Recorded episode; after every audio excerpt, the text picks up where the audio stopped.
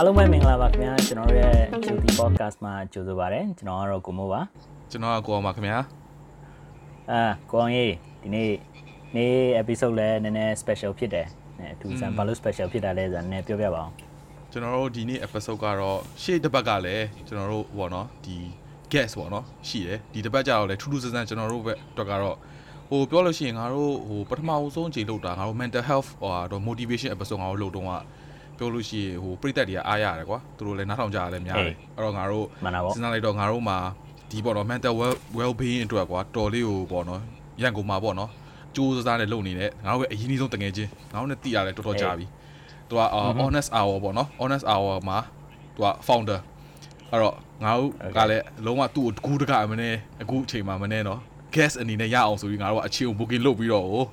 ဟိုနေ့ပြတဲ့ချင်းကို booking လုပ်ပြီးတော့မတ်ဂျူဒီပါခင်ဗျာမတ်ဂျူဒီကျွန်တော်တို့ ਨੇ ဒီနေ့ join လုပ်ပါခင်ဗျာအဲ့တော့ Okay ပါဒီနည်းနည်းအဲ့တော့အားလုံးပဲမင်္ဂလာပါကဲကိုမိုးနဲ့ကိုအောင်နဲ့ဒီလိုခေါ်ရတော့နည်းနည်းတမျိုးလေးတော့ဖြစ်တာပေါ့နော်ဒါပေမဲ့တခါမှဒါဒါ first time ဒီလိုခေါ်ရတာပေါ့ကိုမိုးရဲ့ကိုအောင်ရဲ့ဆိုတော့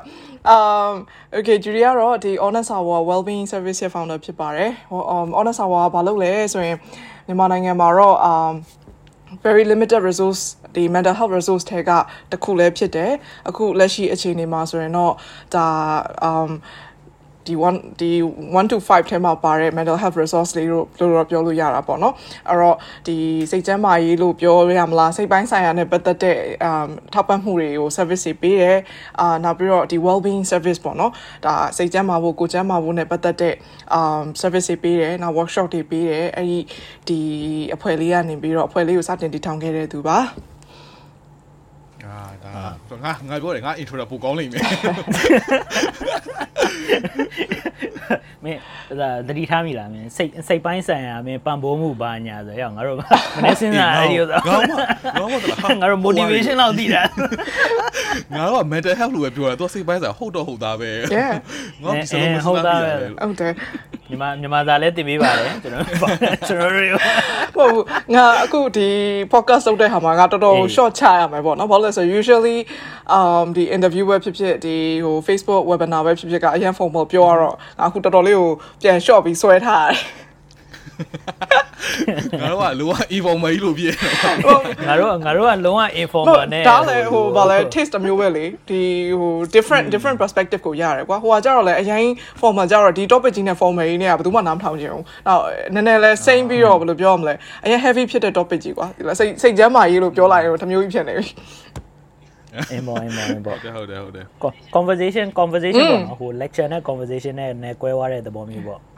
တကယ်အရန်အဓိကအသေးစိတ်လေ့လာခြင်းနဲ့ဆိုလို့ရှိရင်တော့ honest အောင်မှာလေ့လာလို့ရတာပေါ့ဟိုငါရဲဟို chilty podcast ကတော့ဟို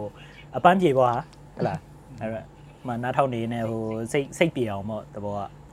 ဒါလည်းဒီနေ့ episode ကလည်းငါတို့ကလည်းအဲ့လိုပေါ့နော်ဟို awareness လေးလည်းဖွင့်နေဖြစ်ရှင်တယ်ကွာအဲ့တော့ငါခုနကဟိုပေါ့နော်မဂျူဒီပြောသလိုပဲဒီ မြန်မာနိုင်ငံမှာဆိုလို့ရှိရင်ဒီစိတ်ပိုင်းဆိုင်ရာနဲ့ပတ်သက်တဲ့ဟာတိတ်ပြီးတော့ဘယ်လိုပြောမလဲတိတ်ဟို aware တိတ်မဖြစ်ကွာစင်ကာပူတော့ဘာလို့မှဆိုလို့ရှိရင်တည်မှာဒါလူတိုင်းသိရကွာ mental health ရှိရတော့ဘာလို့ဒါတွေအကုန်လုံးသိတယ်မဲ့အဲ့တော့ရန်ကုန်မှာတော့နေတယ်အဲ့တော့ငါတို့ကဒီ episode လေးနဲ့နည်းနည်းပေါ့နော် awareness ပေါ့နော်လူတိုင်းကိုလည်းငါတို့ဟိုတစ်ခေါက်ကဟို motivation story မှာပြောတော့ကလည်းတချို့လူကြတော့ကွာကိုယ့်ကိုရှိမှတော့မသိဘူးကွာရှိရလူတွေကြောက်လဲသူတို့တငယ်ချင်းတွေကလည်းတိတ်ပြီးတော့မသိကြတော့ငါတို့ကဒီ episode လေးနဲ့ဒီ honest hour မှာဟိုနေ့ဖြစ်နေဒါလေးကိုငါတို့ကလုပ်ချင်တာ yes အဲ့တော့ဟိုငါမေးချင်တာဟိုမဂျူဒီကဲမဂျူဒီလို့ခေါ်ရတယ်ဟုတ်သိချင်တာကွာနင်ဘယ်လိုလုပ်ပေါ့နော်ဒီ honest hour ပေါ့နော်သူစဖို့တဲ့ဟိုပေါ့ inspire ပေါ့နော်ဘယ်လိုဘယ်ကနေဘယ်လို inspiration ဘယ်လိုရ inspiration ရပါလဲ okay နည်းလို့ပါအဲ့တော့ဟို background ကဒါကိုယ့်ရဲ့ personal experience ကပဲလာတာကွာအာငါဒီဒီ field ကမဟုတ်ပေမဲ့ မဟုတ်ပေမဲ့ဒီရန်ကုန်ပြန်လာပြီးတဲ့အချိန်မှာ like ငါ3နှစ်4နှစ်လောက်အလုပ်လုပ်ပြီးတဲ့အချိန်မှာတော်တော် burn out တွေဖြစ်တယ်အထူးသဖြင့်ဟိုငါတို့ဆိုတာလဲဟို10နှစ် decade ကျော်နေပြီကွာနိုင်ငံခြားမှာနေလာတာပြန်လာတဲ့အချိန်မှာဒီဟိုပါပေါ့နော် culture difference ပုံစံမျိုးလေးနည်းနည်းလေးနည်းနည်းမဟုတ်တော်တော်ခံရတယ်နောက်ပြီးတော့ဒီအလုပ်ခွင်မှာရော family ရောဒီအကုန်လုံးက perspective တွေလည်းပြောင်းသွားလို့ values တွေကလည်းအရင်ပြောင်းသွားတယ်အဲ့အချိန်မှာဟိုအလုပ် stress နောက်ပြီးတော့အဲ့ဒီ မြန်မာနိုင်ငံမှာအလုပ်လုပ်ရတာလေအလုပ်လုပ်ရနေမတူ politics လုပ်ရတာပုံများတယ်ဒီရုံးတွင်း politics ပေါ့နော်အဲ့တော့အဲ့ဒီဟာတွေမှာအရင် stress ဖြစ်ပြီးတော့ငါတကယ်ဟို you မတက်ဟို burn out ဖြစ်တယ် stress out ဖြစ်တယ် um like I lost myself at all like completely ကွာအဲ့ဒီအချိန်မှာငါ reach out လုပ်တော့အာ reach out လုပ်တော့ဒီ very limited resource ဖြစ်နေတယ်ငါတကယ်တမ်းဟိုပေါ့ဟို ငါ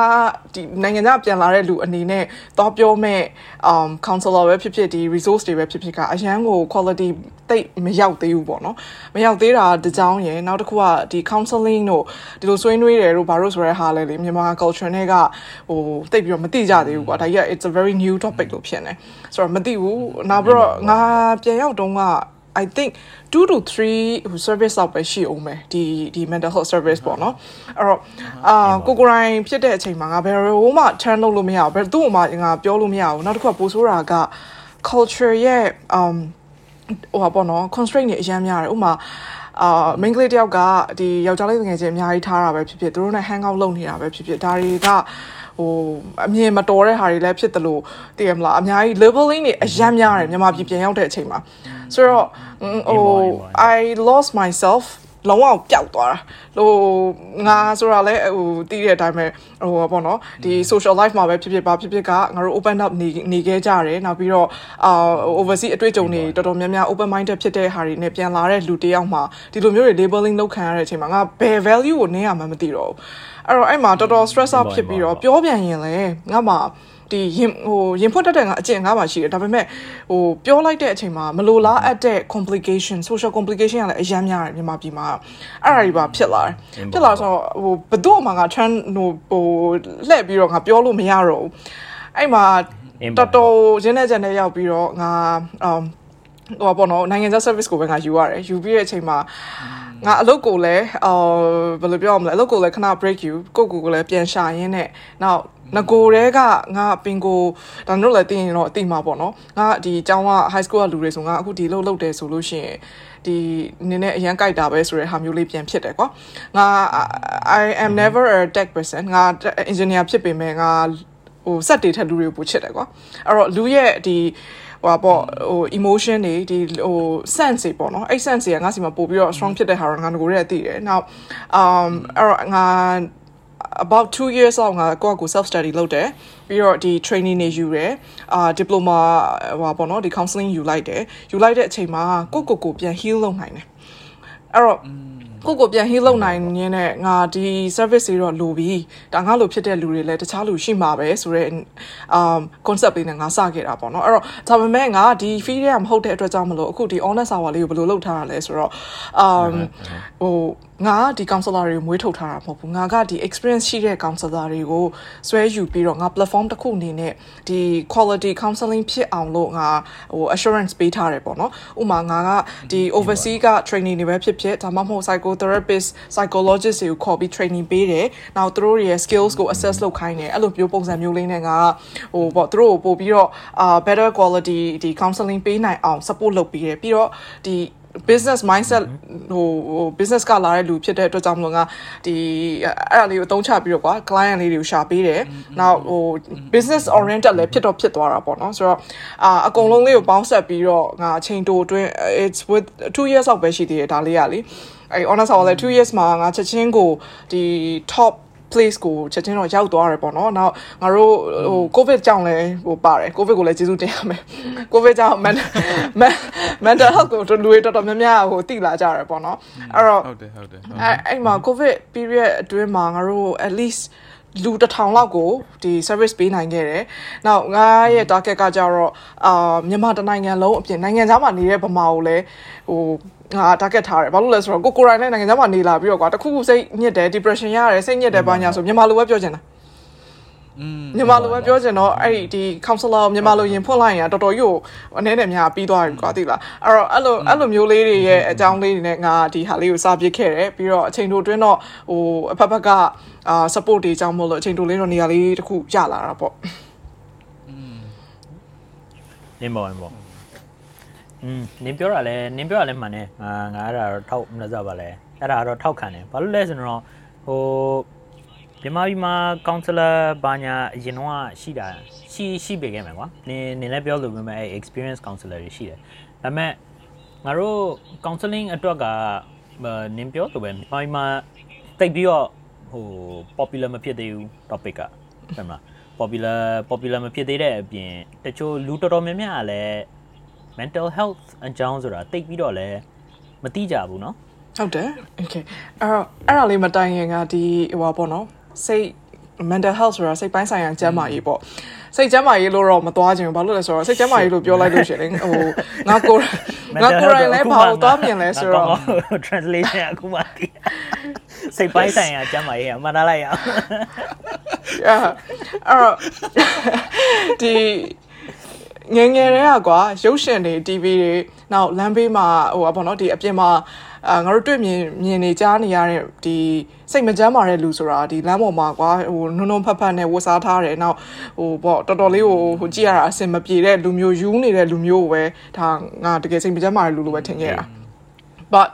အဲ့ဒါဒါ extreme ဟို severe case ကိုရောက်သွားတယ်ပေါ့နော်ဒါပေမဲ့ mild case တွေအများကြီးရှိနေတယ်ဆိုတဲ့ဟာကိုငါတို့ဘယ်တော့မှမသိခဲ့ဘူးဘယ်သူမှလည်းမသိပေးဘူး like it's really out of topic ကွာဒါကိုဘယ်သူမှမပြောကြဘူးပေါ့နော်အဲ့တော့ဟိုနောက်ပြောရင်လည်းဒါက weakness ကိုဖြစ်ဖြစ်တဲ့ဟာမျိုးလို့ထင်ကြရတယ်ပေါ့လေအဲ့တော့လူတိုင်းမှာဟို ဒါမြန်မာစကားနဲ့ပြောမယ်ဆိုတော့ဟိုလောကဒန်ကြုံရတဲ့ up and down တွေအများကြီးပဲကွာတိလားအဲ့တော့အဲ့လောကဒန်ကိုခံနိုင်တဲ့လူရှိတယ်မခံနိုင်တဲ့လူရှိတယ်အဲ့တော့ဒီခုနပြောတဲ့ mental health ကို definition ဖွင့်ရမယ်ဆိုလို့ရှိရင်ငါတို့ normal stress ကို hand cope လုပ်နိုင်တဲ့အာအခြေအနေလေးရှိတယ်ဆိုရင်ဒါ mental health အခြေအနေကောင်းတယ်ပေါ့နော်။ဒါမှမဟုတ်ဒီ normal ဟာ normal ထက်ပိုပြီးတော့သူဟိုအများကြီး stress up ဖြစ်လာတယ်အဲ့ဒါကို control မလုပ်နိုင်တော့ဘူး။ဒီ lockdown တွေလည်းမခံစားနိုင်တော့ဘူးဆိုတဲ့အချိန်မှာသူ escape ကိုခုနပြောသလိုသူတက်တည်ရပါရတာ escape လုပ်လိုက်တာပေါ့နော်။ဒီ pain ကိုဒီ pain ကနေလွတ်မြောက်ခြင်းလို့သူတို့ဒီလမ်းကိုရောက်သွားတဲ့ဟာမျိုးလေးတွေဖြစ်သွားတာပေါ့။ဆိုတော့အာဒါပေမဲ့ဟိုပေါ့ငါတို့ အာလွန်ခဲ့တဲ့3နှစ်ပေါ့နော်3နှစ်ငါပြန်လာတာတော့9နှစ်ရှိပြီ3နှစ်မှာအာဒီကိုချမ်းမာကြီးအတွက်အရန်လိုက်စားကြတယ်ဟိုမှာဂျင်တွေဖွင့်ကြတယ်ဇွန်ဘာတွေကကြတယ်နောက်ပြီးတော့ဟို weight တွေကဒီ weight တွေဟိုလောက်ကြတယ်ဆော့ကြတယ်အဲ့တော့ကိုချမ်းမာကြီးကိုအရန် try ဖြစ်လာရကွာဒီလား try ဖြစ်လာပြီးတော့စိတ်ချမ်းမာကြီးကျတော့မေ့နေတယ်ဒါပေမဲ့အခုဒီ covid လည်းဖြစ်လိုက်ကောအဲစိတ်ချမ်းမာကြီးကပေါ်လာအောင်အဲ့တော့ဒီစိတ်ချမ်းမာကြီးကိုဟိုသူတို့အလေးထားအကောင်းမှန်နည်းနည်းလေးပိုတိလာတယ် ဆိုတော့လူမလဲဟိုကွာစိတ်နဲ့ကိုယ်နဲ့ဒီစိတ်နေတဲ့နေရာခန္ဓာကိုယ်ဒီနှစ်ခုပဲရှိတာဟိုကိုယ့်ရဲ့ဟို two house လို့ဖြစ်နေတာပေါ့နော်အဲ့တော့ဖြစ်နေတယ်ငါတို့ physical မှာဆိုရင်တော့ကွာဟိုဟိုဓာတ်ရှာတယ်တို့နာဒူးနာတယ်ဗာဒီ any pain ကိုဆရာဝန်စီသွားပြတယ်ဒီစိတ်ပိုင်းဆိုင်ရာနဲ့ကြာလို့ရှိရင်ငါတို့ဘာမှမလုပ်ဘူးအနာမနာဒါလည်းဟိုနေကုနာပြောဆိုပဲဟိုအေး honest hour ဟာဟိုကနေ Facebook မှာဟိုနော် တင်တော့ကစပြီးဟိုငါ like ငါ follow quite လို့စစတဲ့ကောင်က follow လုပ်တာကွာအဲ့ဒါကကြည့်လိုက်ဟာဒီ idea လည်းရန်ကောင်းတယ်ကွာပြီးတော့ like I think it's really suit you like နင်းနဲ့အရန် like တယ်ကွာပြောထင်ရပြောရလို့ဆိုတင်ပါအရန် like when you when I think about it I can see you doing that you know what I mean yeah it's like wow I Thank was you. like damn this that was good like လုံးဝကွာအဲ့ထက်ကငါတော်တော်ဟိုနေတော့ငါလုံးဝ like လဲ follow လုပ်တယ်ကွာကြည့်ရကွာဘာလို့ I think it's really suit you and I really like how to say ဟိုလေးလေးလေးစားတယ်ကွာပြောလို့ရှိရင်မလွယ်ဘူးကွာဒီလိုကိစ္စမျိုးအမှန်တမ်းပြောလို့ရှိရင်ငါတို့မြန်မာအဲ့လိုဒီနေကူနာပြောလို့ပဲအတိုင်းဝမ်းနေပိုင်းနဲ့ဆက်လို့ရှိရင်တို့ကဒီလိုကိစ္စမျိုးကတခါကြလို့ရှိရင် weakness လို့လည်းကြည့်ရကွာအားနေချက်လို့တခါကြရေးကြလူတိုင်းကယောက်ျားလေးဆိုလို့ရှိရင်တည်ရမလားအော်ဒီလိုမစိတ်ဓာတ်မျိုးရှိလို့ရှိရင်ဒါယောက်ျားလေးတော့ကအားနေချက်ဆိုတာဟာမျိုးကိုကိုကိုကွာသူများတွေကမပြောတော့မှာကိုကိုကိုကြီးက blame ကိုကိုလုပ်တယ်ကွာ but အဲ့လိုပြောအဲ့လိုလုပ်တာ ਨੇ ကိုကို blame လုပ်တာ it doesn't help လားပြောလို့ရှိရင်တည်မှာဒါပေမဲ့တို့ကဟိုအကူရင်ကြောက်ရလဲဘယ်မှာသွားကူရင်တောင်းမှလည်းမသိဘူး ပြရမှာ there's no proper channel of like even ကျောင်းမှာဆိုလို့ရှိရင်တော့ငါတို့ဆီယာမတွေမှာဒီ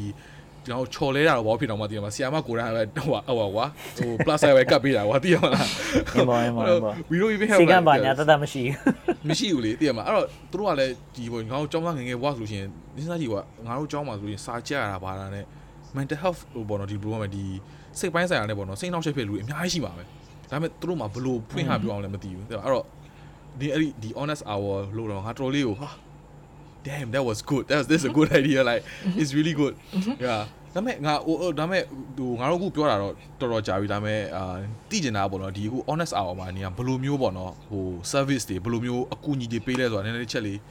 ပေါ့နော်တကယ်လို့ဒီငါတို့နားထောင်နေတဲ့ပြည်သက်မှာတကယ်လို့ဟိုပေါ့နော်အကူအညီလိုတာပါရှိလို့ရှင်သူတို့ဘယ်လိုမျိုး service တွေပေါ့နော်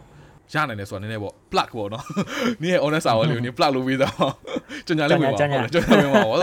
ဟိုတချို့လူတွေသိကျင်မှာပဲလေဘာလို့လဲသူတို့ကငါတို့ honest hour လို့ပြောတာသူတို့ဘာဘာတချို့လူကြောက်လဲဘာမှတော့သိကျင်မှာသိမှာသိရမလားအဲ့တော့နည်းနည်းရှင်းပြပေးပါဦးနော် okay အင်းပါအင်းပါအဲ့တော့အာဟောပေါ့နော် honest hour မှာအဓိက main ကတော့အာ counseling service ရှိရယ်ပြီးတော့ဒီ mental health အတွက် support လုပ်တဲ့ um activity ပေါ့နော် activity ဆိုတာထက်ငါဘယ်လိုလေးသုံးကျင်လဲဆိုတော့ mind gym လို့သုံးကျင်တယ်ဒီစိတ်ကျန်းမာဟိုပါပေါ့နော်ဒီစိတ်ပိုင်းဆိုင်ရာအတွက်ဟို exercise လုပ်ရတဲ့ဟိုအလေးချင်းကောင်းလေးတွေပြီးတဲ့ငါတို့ဟိုပါပေါ့ကောင်းတယ်ကောင်းပါပါဝေးကြီးမပြီးကောင်းစီ yes yes အဲ့လိုစိတ်ကို train တဲ့ဟာလေးတွေလည်းပါတယ်ပေါ့နော်အဲ့တော့အဲ့တော့အခုဒီ counseling မှာဆိုရင်လည်းငါတို့ individual ရှိတယ်ဒီ group support session တွေရှိတယ် group ကတော့ group ထဲမှာပြောတယ် individual ကတော့ဒီ one on one အာပြောတဲ့ဟာတွေရှိတယ်နောက်ပြီးတော့ငါတို့ဒီ um trauma focus လုပ်ထားတဲ့အာ healing package ရှိရပေါ့နော် trauma ဆိုတာဟိုပါပေါ့အာမြန်မာနိုင်ငံမှာလေလူတွေကစိတ်ထန်ရဆိုတာဘာလဲဆိုတာတေချာတော့မသိကြသေးဘူးကွာအာ trauma လို့ပြောလို့ရှိရင်လည်းတို့ဟိုမဖြစ်သေးဘူးအခုနောက်ပိုင်းအဲ့လိုမျိုးလေး educate လုပ်တာတွေများလာတော့မှကို trauma ဖြစ်နေမှသိတဲ့ဟာမျိုးတွေဖြစ်လာကြတယ်ပေါ့နော်အဲ့တော့အဲ့ trauma package ဆိုလို့ရှိရင်ငါတို့က um ဒီ talk therapy နဲ့ဒီ body therapy ကိုပေါင်းပြီးတော့ specialize လုပ်ထားတဲ့ဒီ beyond trauma healing package ဆိုတဲ့ဟာမျိုးလေးရှိတယ်အဲ့ဒါကဘာဟိုပါပေါ့အာ talk therapy ဆိုတော့ဒီ counseling ပေါ့နော် counseling လုပ်ရတဲ့အနောက်မှာကအာဘာကြိုးကျေးဇူးရှိမလဲဘယ်လို help လုပ်မလဲဆိုရင်သူက counseling ကတော့တော့ငါတို့အုံနောက်ဟိုငါတို့အတွေးတွေပေါ့နော်အတွေးတွေကိုမှန်ကြည့်တာနဲ့တူတယ်ကွာอืมမှန်ကြည့်ရတဲ့တူတယ်ကွာဆိုတော့ um ဟိုဘယ်လိုပြောရမလဲကိုတွေးနေတဲ့ဟာတွေတစ်ခါလေကြာရင်ဟိုအမျိုးစုံတွေတွေးနေတာဟိုဟိုကောင်းတာတွေလည်းတွေးရဆိုးတာတွေလည်းတွေးရအကုန်လုံးလိပ်ပတ်လဲနေအောင်အဲ့ trigger ဟို trigger မှန်သမျှကိုအကုန်လိုက်တွေးနေတယ်ဒါပေမဲ့ကိုဘယ်မှာမှ stand လုပ်မနေဘူးကွာအာဒါပေမဲ့ counselor နဲ့တွေ့တဲ့အချိန်ကြာရင်ကကြတော့ तू က counselor ကကိုယ့်ရဲ့ငါတို့ကိုပိုင် opinion တွေကိုမပေးရဘူးငါတို့ဒီ confidentiality ကိုထိန်းရတယ်နောက်ပြီးတော့သူတို့ advice မပေးရဘူးအဲ့တော့ unbiased ဖြစ်အောင်လုပ်ဖို့ကဟို number 1 priority ပေါ့နော်အဲ့လိုဖြစ်အောင်လုပ်ပြီးတော့သူတို့ရဲ့ခံစားနေရတဲ့အကြောင်းအရာတွေ feeling တွေနောက်ဘာကြောင့်ဖြစ်တယ်ဆိုတဲ့ဟာတွေအားလုံးကိုမှန်တစ်ချက်လိုမျိုးငါတို့ပြန်ထောင်ပြတယ် yes အဲ့တော့သူတို့ဘာကြောင့်ဖြစ်ခဲ့တယ်ဆိုတဲ့ဟာကို acceptance ရသွားလို့ရှိရင်လူကနည်းနည်း move on လုပ်ရတာနည်းနည်းလေး um ပို့ပြီးအဆင်ပြေသွားတာပေါ့နော်အခုငါ speaking of trauma ဆိုရင်လည်း trauma ကိုလူတိုင်းစိတ်ဒဏ်ရာရလို့ရှိရင်ဟိုစိတ်ဒဏ်ရာကဒီငါတို့လိုစကားပြောလိုက်တာပဲဖြစ် အော်တရားထိုင်လိုက်တာပဲဖြစ်အဲ့လိုလောက်တာနဲ့ပျောက်သွားမယ်ထင်တာဒါပေမဲ့ body က body ကတော့ heal ဖြစ်ပြီးရင် new cells တွေ reborn ဖြစ်တယ်စိတ်ကကြတော့မလွယ်ဘူးအဲ့လိုမျိုးတော့မဟုတ်ဘူးဒါ yes မလွယ်ဘူးနောက်တစ်ခုကဘာလဲဆိုတော့ငါတို့အဲ့ trauma နဲ့အတူတူရှင်တွဲနေထိုင်ခြင်းကိုတွားရတယ်အဲ့တော့ဒါကြီးကမေ့ပြောင်းနိုင်မှာလည်းမဟုတ်ဘူးဟိုဟာငါတို့မေ့ထားလို့လည်းမရဘူးဒီ trigger ရတာနဲ့အဲ့ဒီဟာကြီးကနောက်က impact ဖြစ်ဖြစ်လာတယ်ပေါ့နော်အဲ့တော့သူနဲ့အတူတူရှင်တွဲပြီးဘယ်လိုနေမလဲဆိုတော့ဟာကိုအာဟိုအဓိက counseling နဲ့တွားတယ်ပေါ့နော်နောက်တစ်ခုက trauma ဒီစိတ်တန်ရာ ဟိုရတဲ့လူတွေမှာတော်တော်များများ body မှာအာ ပြတဲ့ symptom တွေရှိတယ်။ဥပမာထားပါတော့ um ဒီဟိုပါပေါ့နော်ကား accident ပဲဖြစ်ဖြစ်ဒီကား accident မှာဖြစ်တဲ့အချိန်မှာ तू ဟိုဟိုဒဏ်ရာရတာပဲဖြစ်ဖြစ်ဒါမှမဟုတ်ဒီ panic attack ဆိုရင်လည်းဒါဟိုနှလုံးပေါ့နော်။ဒါမျိုးလေးတွေ body မှာပြတဲ့ sign လေးတွေရှိတယ်။အဲ့ဒါကိုဒီ yoga therapy ပေါ့နော်။အာ yoga position တွေနဲ့ဒီတရားထိုင်တဲ့ yoga position တွေနဲ့လုပ်ရင်နဲ့ဒီကိုယ့် body ကိုပြန် heal လုပ်တဲ့ဟာအဲ့တော့ခုန counseling က mind ကို heal လုပ်တယ်ဒီဟိုဟာ body therapy ကဒီ body ကို heal လုပ်တယ်အဲ့နှစ်ခုပေါင်းဆက်ပြီးတော့ငါတို့ဒီ beyond trauma ဆိုတဲ့ package လေးရှိတယ်အဲ့တော့လုံးဝ specialized ဒီ trauma အတွက်ကြီးပဲအာနောက်တစ်ခုကတော့ဒီ one on one ဟိုပေါ့ session တွေပေါ့နော်ပြီးရင်ခုနကပြောတဲ့အာမြန်မာဟိုပေါ့မြန်မာနိုင်ငံမှာဖြစ်နေလို့ငါ app လုပ်လို့အဆင်မပြေသေးတာပေါ့နော်အာနိုင်ငံခြားမှာလည်း app တွေကအများကြီးပါဒီဟိုပေါ့ဒီ meditation ငါတို့အခုပေးနေတဲ့ mindfulness session တွေရှိတယ် meditation တွေရှိတယ် gratitude တွေရှိတယ်အဲ့ဒါကဥမာဟို gym schedule လိုပဲကွာငါတို့ဒီ monday မှာ zumba ရှိတယ် wednesday မှာဒီ body pump ရှိတယ် thursday မှာ boxing ရှိတယ်ပုံစံမျိုးအတိုင်းငါကဒီဟို training ဟိုပေါ့နော်ဒီ class ပုံစံမျိုးလေးတွေလုပ်ထားပေးတယ်အဲ့တော့ um လူတိုင်းကဒီ counseling ကိုလာခြင်းမလာမယ်ဘာလို့လဲဆိုတော့ဟိုလူတိုင်းကအများတိုင်းစိတ်ညစ်နေတဲ့ဟာမှမဟုတ်တာနောက်ဟိုအများတိုင်း down turn ဖြစ်နေတာမဟုတ်တဲ့အတွက်ကြောင့်မလို့ဒါပေမဲ့ကိုယ့်ရဲ့ဒီ resilience ဖြစ်ဖို့ကို support လုပ်မဲ့ activities တွေလည်းအာဒီခုနဒီ mind gym ဆိုတဲ့ဟာလေးမှာဟို support လုပ်ပေးထားတယ်ပေါ့နော် ဆိုတော့အာအဲ့ဒါအပြင်ငါတို့ဟိုအခုငါကိုယ်တိုင်ကဒီ corporate တွေမှာ workshop တွေပေးတယ် well-being workshop တွေပေးတယ်အထူးသဖြင့်ဒီ mental health awareness တွေနောက်တစ်ခုကဒီအခုလောလောဆယ် at this moment မှာတော့ငါတို့အခုပေါ်ဒီ covid ကောကြောင့်ဒီ resilience building um လုပ်တဲ့ activities တွေနောက်ဒီ group support session တွေကိုငါလုပ်ပေးရပေါ့နော်အဲ့တော့ဟို workshop တွေကတော့ customize တွေလည်းရှိတယ်အများကြီးပဲငါတို့ဒီဟိုဟာပေါ့ psychology mental health ဒါနဲ့ပတ်သက်ပြီးတော့အကုန်လုပ်ပေးတယ် in ပေါ့ in ပေါ့ပုံလုပ်ပေးအဲ့တော့ငါတို့တကယ်လို့ငါတို့ကအခု mental health ဟိုဟာဒီ honest hour ရဲ့ Facebook link ကိုငါတို့ကဟိုမှာထည့်ပေးထားမယ်ပြီးလို့ရှိရင်တကယ်လို့ပေါ့တချို့ဒီပြည့်သက်တွေလဲသူ့ဘာသူကဟိုတွားပြီးတော့ကြည့်ကျင်တယ်တကယ်လို့တွားပြီးတော့မေးမြန်းကျင်တယ်ဆိုလို့ရှိရင် Facebook မှာ honest hour လို့ရှာပြီးတော့ message မှာနင်တို့ကိုရိုက်လို့ရဟုတ်တယ်မလားဒီလိုလိုအပ်တယ်လို့ဆိုရှင် yes ရတယ်အဲ့တော့ခုနက Yes. ဟာစိတ်ဝင်စားဖို့ကောင်းတာငါဒါမေးကွာငါဟိုစတဲ့ကနေကိုမေးချင်တာကွာခုနကပြောအေးလို့ okay ဒါ counselor တယောက်အနေနဲ့အနေနဲ့ကကြတော့နင်တို့ကဘယ်လိုပြောမလဲဟိုပေါ့နော် ဒီဒီလူနာလူနာရဲ့လို့ပြောလို့မရဘူးကိုယ့်စီကိုလာတွေ့ရလူတယောက်ရဲ့ပြဿနာကိုဟိုကိုတို့ကအကြံဉာဏ်နင်တို့ကအကြံဉာဏ်ပေးတာမဟုတ်ဘူးဒါပေမဲ့သိရမလား तू သူ့ကိုသူပါဟို reflect ဖြစ်အောင်လုပ်တာအော်ဒါပေမဲ့အဲ့လို problem တွေလာရမှာ like how နိကိုနေကြတော့ဘလို့ဒီသူတို့မှလာ share ပြဿနာတွေက does it affect you like အဲ့လိုသိရမလားခါကြလို့ရှိရင်ကွာဒီပြဿနာတွေကိုစဉ်းစားနေတဲ့ခါကြလို့ရှိရင်သိရမလားငါဆိုလို့ရှိရင်တချို့တငယ်ချင်းရတယ်ကလို့ trauma တစ်ခုရှိရလာ share လို့ရှိရင် sometimes it affect me mentally like you know even though it's not me but it still affect me alright then how do you guys stay deal with it deal with it and how do you stay fit with that you know yes yes အဲ့အဲ့အဲ့ဒါလူတိုင်းမေးရပေါ့နော်ဒါအငါတို့ဟိုလောလောကူပြောရအပူစောက်ရတဲ့ဟိုအလုပ်ဖြစ်နေတာဟုတ်ဆိုတော့ um to be honest ဒီအလုပ်လုပ်မယ်ဆိုရင်တော့ကိုကိုကိုအရင် heal ဖြစ်ပြီးမှသူများကိုကြည့်လို့ရတယ် ပေါ့ ကိုကိုမပြည့်နေသူများကိုမပေးနိုင်ဘူးပေါ့နော်အင်းပါပါဆိုတော့ဟိုဟာနိုင်ငံသားမှာဆိုရင်လည်း psychologist ဆို counselor လို့ဆိုနှစ်နှစ်အာ sorry နှစ်နှစ်လောက်ပြီးတစ်နှစ်နားတဲ့ဟာမျိုး break ကိုယူယူရတယ် no more so they can go crazy ကွာအာအဲ့တော့ကိုယ့်ရဲ့ well being ကတော့ first ဟိုဒီငါတို့ self care တွေတေချာလုပ်ရတယ် routine တေချာလုပ်ရတယ်နောက်ပြီးတော့ um supervision တွေယူရတယ်အာဒီ profession ကိုသွားရတယ်ဆိုရင်ကတော့အဓိက skill set လဲလိုသလိုဒီကိုယ့်ရဲ့ um character ရော personality ရောဒါမျိုးတွေနဲ့ fit မှ long term သွားနိုင်နေပေါ့နော်နှုတ်မဆိုရင်ကနေဟိုဟို very earning job လည်းမဟုတ်ဘူးကွာဒါပေမဲ့တကယ်စစ်နှလုံးသားနဲ့လုပ်ရတဲ့အလုပ်ဆိုတော့ um ကိုကိုကိုအရင်ကာကွယ်ပြီးမှကာကွယ်ရဲဆိုတာလည်းဟိုပေါ့ routine မှန်မယ်နင်ဟိုဟာ emotional hygiene emotional hygiene ကိုဟိုလုပ်နိုင်မယ်ဆိုရင်ဟို take care လုပ်နိုင်မယ်ဆိုရင်တော့ဒီလုပ်ကိုကောင်းကောင်းလုပ်လို့ရတယ်ကွာအာဘာလို့လဲဆိုတော့ဟိုအပူစုပ်တိုင်းလဲငါတို့ကဒီဟာကိုစုပ်တာတော့မှန်တယ်နားလည်ပြီးရလက်ခံပြီးတယ်ဒါပေမဲ့ um ကိုယ်စီမလာအောင် filter လုပ်နိုင်တဲ့ skill set ကလည်းတစ်ခုဖြစ်သွားတာပေါ့ပေါ့ပေါ့အဲ့ဒါအဲ့ဒါကတော့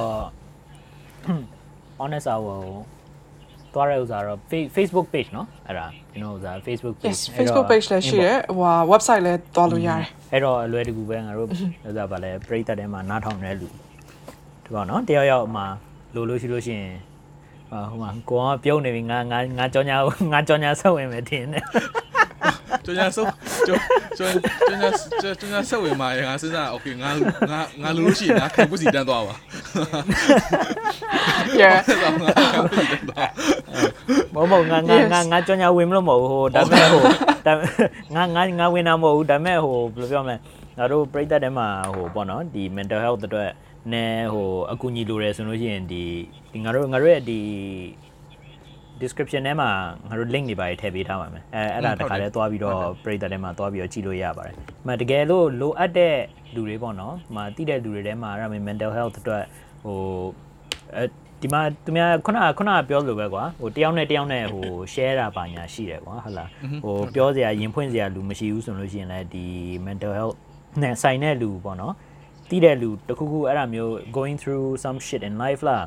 အဲ့ဒါမျိုးဆိုလို့ရှိရင်လည်းဒီဒီ link ဘာညာကို share ပေးလို့ရပါတယ်လို့ဘာလို့လဲဆိုတော့ကိုယ့်အတွက်ကမလို့ပေမဲ့တခြားအတွက်ကတော့ လိုရင်လိုမှာပဲလေမသိဘူးလေတချို့တချို့လူတွေဟို depression ရနေတဲ့လူတွေလည်းမှာအပေါ်ယံမှာကတော့ပြုံးမဲ့ပြုံးနေနိုင်တာပဲဒါပေမဲ့စိတ်ထဲမှာစိတ်ထဲမှာဘယ်လိုဖြစ်နေလဲဆိုတာတော့မသိဘူးပေါ့နော်တကယ်လို့လိုအပ်တယ်မစားပါလဲမတင်ငါဘူးဆိုလို့ရှိရင်ဘာပဲပြောဟေးပါဒီဒီဒီပေါ့နော်ဟိုနေနေနေမကောင်းလားနေမခံနိုင်ဘူးလားဆိုပြီးတော့တွားတွားပြီးတော့လည်းပြောစရာမလိုဘူးပေါ့နော်တော့ဒီမှာဒီမှာငါတို့ရဲ့ဒီမှာပေါ့နော် ဒီ Facebook မှာ page တခုတွေ့တယ်ပေါ့အဲ့ဒီဥစ္စာမှာစဉ်းစားကြည့်ပေါ့အဲ့ဒါတွားပြီးတော့ကြည့်ကြည့်လိုက်ပေါ့ it's interesting ပေါ့နော် mental health ဘာညာလုပ်တာအဲ့မျိုး you can be you can be tactful about it လားဒါပေမဲ့အဓိကကတော့ဟိုငါတို့လည်းဒီ Jyoti podcast အနေနဲ့ platform တစ်ခုအနေနဲ့ပေါ့နော်ဒီ mental health ဟိုအရေးကြီးတဲ့အာအရေးအရေးကြီးတဲ့ဥစ္စာပေါ့နော်ဒီစိတ်ကျန်းမာရေးကအရေးကြီးတယ်လို့ငါတို့ထင်တယ်ကွာအဲငါတို့ယူဆတယ်ဆိုတော့အဲ့တော့ငါတို့ခံယူချက်အရာ platform တစ်ခုအနေနဲ့ဒီဥစ္စာကိုလည်းငါတို့လည်း raise awareness လုပ်ချင်တာပေါ့တဘောကဟုတ်လားအဲဟိုတကယ်လို့ဟို Facebook page ကိုဒါတိုင်းမသွားကျင်လို့ရှိရင်တော့မှငါတို့ podcast ဆိုအရင်နားထောင်လို့ခံနေရပါတယ်ငါဘယ်တော့ဝင်မလဲစောင့်စောင့် yes yes ဒီနေ့ကြောင်ညာဒီနေ့ကြောင်ညာကတော့ငါတို့ငါတို့အပြည့်မဟုတ်ပါဘူးဒီနေ့ကတော့သူများတွေအတွက်ဟိုဗာလဲဒီဟိုပေါ့နော်ဒီစိတ်ကျမ်းမာရေးအတွက်ဆိုတော့အဓိကဆိုတော့ဒီ honest hour ကိုငါတို့ ပို့ပြီးတော့ဟိုဦးစားပေးပါတယ်ဒါပေမဲ့ငါတို့ရဲ့ငါတို့ရဲ့ podcast ကိုနားထောင်ခိုင်းလို့ရှိရင်လည်း net စိတ်ကတော့ကျမ်းကျမ်းမာသွားမှာပဲလို့ငါငါထင်ပါတယ်အဲ့တော့တယောက်နှစ်ယောက်သုံးယောက်အများကြီးလည်း share ပေးလို့ရပါတယ်မှန်တယ်မှန်တယ်အဲ့ခုနကိုမိုးပြောတဲ့ဟာလေးပါလေနည်းနည်းလေးထပ် add လုပ်ချင်တာဒီ mental health အရေးကြီးရပါတော့အဲ့တော့ overseas မှာတော့ develop ဒီ develop country တွေမှာတော့အရေးကြီးတယ်လို့ယူဆသွားပြီ။နောက် support တွေလည်းအများကြီးပဲ။ဒါပေမဲ့ငါတို့လိုမြန်မာနိုင်ငံမှာ still developing နဲ့ဒီလိုခုတွေဖြစ်တဲ့နောက်မှာလည်းပို့ပြီးတော့တော့ပို့အရေးကြီးသွားပြီ။ပို့အရေးကြီးသွားပြီဟိုအဲ့တော့ um especially မြန်မာနိုင်ငံကရှိတဲ့လူတွေရဲ့ အာအကယ်၍အကြောင်းကြောင့်ကြောင့်အခုချက်ချင်းပဲထွက်သွားတာပဲဖြစ်ဖြစ်ပြန်ဝင်လာတာပဲဖြစ်ဖြစ်ဒါမှအဝေးရနေပြီးတော့စိတ်ပူနေရတဲ့အာစိုးရင်နေရတဲ့ကိုယ်နိုင်ငံအတွက်စိတ်ဟိုပေါ့နော်စိတ်အထောင်ရှက်တွေဖြစ်နေတယ်စိတ်ဝမ်းနည်းစိတ်တွေဖြစ်နေတယ်ဒါမျိုးတွေအကုန်လုံးကိုလည်း welcome လုပ်ပါတယ်ဟိုဘာလို့လဲဆိုတော့အခုဟိုကိုတငယ်ချင်းနဲ့မိဘတွေပဲဖြစ်ဖြစ်အဲ့လိုရင်ဖွင့်တာနဲ့ငါတို့ဒီ professional လုပ်နေတဲ့လူကိုရင်ဖွင့်တာပါကွာသွားလဲဆိုတော့ တငယ်ချင်းတွေထားပါတော့ကိုရီးစားချစ်သူအဲ့ဒါကြီးပြောမယ်ဆိုရင်ကသူတို့က um သူတို့ရဲ့ချစ်တဲ့စိတ်နဲ့ကြည်တာတကြောင်ရယ်နောက်တစ်ခုကသူတို့ဖြစ်စေချင်တဲ့ဟာလေးတွေထည့်ပြီးတာတကြောင်ရယ်နောက်ညနောက်တစ်ခုကတော့ဒါဟိုအတ္တလေးတွေပါတာပေါ့နော်အတ္တလေးတွေပါတဲ့ဟာဟာရယ်ပေါ့နော်အဲ့တော့အဲ့လိုမျိုးလေးတွေနဲ့ကြည်တဲ့အချိန်မှာလူတစ်ယောက်ကတစ်ခါလေကြာလို့ရှိရင်ရင်ဖွင့်တယ်ဆိုတာ ရင်ဖွင့်ဂျုံမရင်ဖွင့်ချင်တာကွာတိလားဘာမှ judgment တွေမလုပ်ချင်ဘူး အင်းပါအင်းပါအင်းပါ ဘာလို့ပါဘာလို့ပါနဲ့ဘာ တချို့ကြနားထောင်ပေး နေ လို့ အ ပဲ များ ပေါ့ ကြီးဒီလိုဖြစ်နေတာပဲ yes makes yes sense နား yes ထောင် အဲ့ ပေး တော့ လို့ပဲ okay อืม အဲကြောင့်အဲ့ဒါကြောင့်ငန်းကြီးကပြဿနာရှိလို့ရှိရင်ငါတို့ဘယ်တော့မှမပြောစမ်းငါတို့ကနေဆရာလောက်တာပါနဲ့နေနေဟဲ့လွတ်လွတ်ပါလွတ်လွတ်ပါလား exactly အဲ အဲအဲ့လိုမျိုးပေါ့အဲ့ဒါလည်းမှတ်ပါလေနားထောင်ပေးလို့နားထောင်ပေးဖို့ကလည်းအဲ့ service တကူပေါ့နော်ဟုတ်อืม ဟုတ်တယ်ခါအဲ့ကျဒါနားထောင်ပေးချင်မှာနားထောင်တာဟုတ်တယ်ဟာ that makes sense อืม mind blown အော်တော့ဒါပေမဲ့ဘုခါကတော့တော့ဒါပေမဲ့ပြောလို့မရတော့ကိုမိုးအကုန်လုံးပြောလို့မရတော့အမင်းတို့ကငါမင်းဆရာမလို့ပါဘူးကွာဆရာမလို့လေမင်းရဲ့ agenda ရှိရင်ရှိမှာပေါ့သိရမလားဩအေးပေါ့ကွာငါမင်းဟိုမှာဗာလဲလာပြီးတော့ငါရှိပဲလာခိုင်းနေတယ်အိမ်ခေါ်လာမယ်ဟုတ်တော့ဟုတ်ပြီ အာအဲ့မျိုးဆိုလို့ရှိရင်ငါတို့ရဲ့ဒီဟိုဒီ podcast ရဲ့နောက်နောက်နောက်တစ်ခု discuss လုပ်ဖို့အတွက်ပေါ့နော်ဒီခေါင်းစဉ်တစ်ခုကလို့ပေါ့နေငါငါတို့ငါတို့ဒီ mental health နဲ့ဒီစိတ်ကျန်းမာရေးနဲ့ဒီ misconception ပါညာရှိတဲ့ဥစ္စာလေးပါလေးနဲ့ share ပါလားအာရှိတယ်အများကြီးပဲမြန်မာနိုင်ငံအများကြီးပဲအတွင်းမှာနေကိုအများကြီးပဲအများကြီးပဲအဲ့ဒါလုံးဝ အဲ့ခုနကတော့ငါဟိုနံပါတ်1ကတော့ဒီအယူပေါ့နော်ယူတဲ့လူမှစိတ်မကြမ်းမဘူးလို့ထင်ကြတယ်ပေါ့နော်အဲ့ဒါနံပါတ်1နောက်တစ်ခုကကျတော့ cultural မှာဘာလဲဆိုရင်ဥမာအေးဒီ gender base ပေါ့နော်အေး gender base တွေအများကြီးပဲဥမာ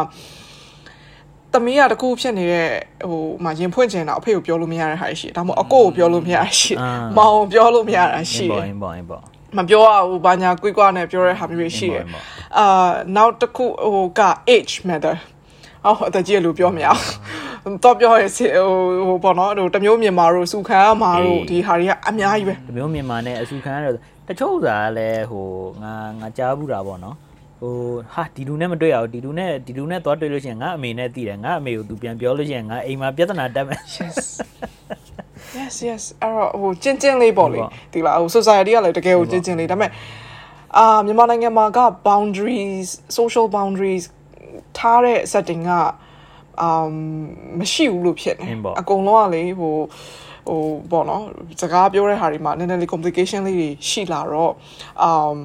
အဆင်မပြေဘူးကွာအင်းပေါ့ဘယ်လိုကိုကိုယ့်ရဲ့အတွင်းရေးပြောဖို့ဆိုတဲ့ဟာအင်းမျိုးပေါ့အင်းပေါ့အဲ့ဒီနောက်တစ်ခုကမဟုတ်ပြောပြောဆက်ပြောအဲ့တော့ဟိုပေါ့ mental health ဆိုတဲ့ဟာမှာလဲဒီ ဟိုစိတ်လူမှာစိတ်နဲ့ကိုယ်နဲ့တွဲနေရဆိုတဲ့ဟာကိုတိတ်ပြီးတော့ဟိုဟိုဟာပေါ့နော်မတတိမထားမိဘူးလို့ပဲပြောရမယ်ငါတို့ဗုဒ္ဓဘာသာဒီတရားထိုင်တာတွေလုပ်ပေမဲ့အေးပေါ့ဂျားတွေက bridge လေးလိုနေရကွာအင်းပေါ့ဒီလားဟိုဒီစောင့်ရှောက်တဲ့ဟာလေးကိုလုံးနဲ့ extreme ကိုသွားကြတယ်ဟိုဟိုပေါ့နော်ဒီငါတို့မတိရကနေပြီးတော့တိတော့လဲလုံးဝဟိုတရားရအောင်သွားတဲ့အထီကိုရောက်တော့အဲ့ကြားဟာခါပြက်နေတယ်ပေါ့လေ yeah ဟိုတခါတော့ကိုအောင်နဲ့လည်းပြောဘူးတယ်လေငါတို့ဟိုပေါ့နော်ဒီ development ဟို episode မှာလားမသိဘူးငါတို့တွေဒီ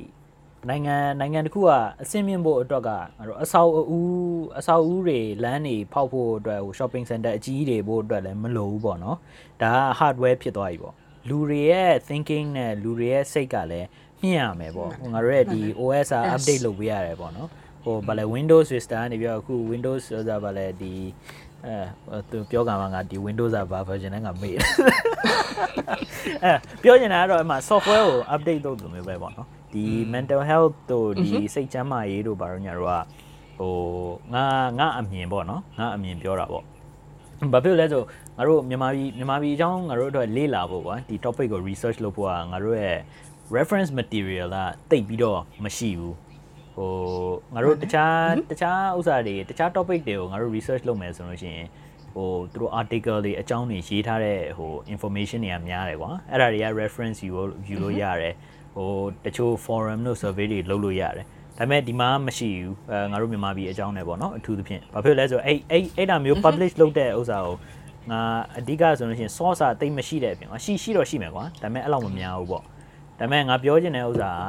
ကဒီ mental health ဘာညာကြတော့အရင်တော့အရင်တော့ခုနကတော့ဂျူဒီပြောလို့ပဲငါတို့ခုနကပြောလို့မျိုးပဲတိတ်ပြီးတော့ဟိုအရေးမကြီးဘူးလို့ထင်ထင်ထင်မှာပေါ့နော်။မာဗါလေစိတ်ချမ်းသာရင်သွားပြီးတော့ဖះရှိခိုးလိုက်တရားထိုင်လိုက်ဆိုတာအဲ့ဒီဥစ္စာနဲ့ကအေးပြောလို့ပဲပျောက်သွားတာမဟုတ်ဘူး။ဒီကို့မှာဖြစ်ခဲ့တဲ့ကိစ္စကိုသူကအတူတူဒန်းတူမှာရှေ့လျှောက်ဒီဥစ္စာကိုလက်ခံပြီးတော့ဆက်ပြီးတော့ရှေ့ကိုရှောက်အောင်ပါကွာ။အဲ့တော့အဲအဲ့တော့ဘယ်လိုပြောမလဲ။ အဲ့မျိုးပေါ့လူလူတွေအကုန်လုံးကလည်းဒီ podcast ကိုနားထောင်ပြတယ်ဒါမှမဟုတ်ဟို mental health ဟို awareness ဟိုပေါ့နော်ဟိုတငယ်ချင်းတွေရှိလို့ရှိရင်လည်းပြောပေးဖို့ကအရေးကြီးတယ်ပေါ့အဲပေါ့ဟိုဒီ article တွေဖတ်ဖို့လေ့လာဖို့အာ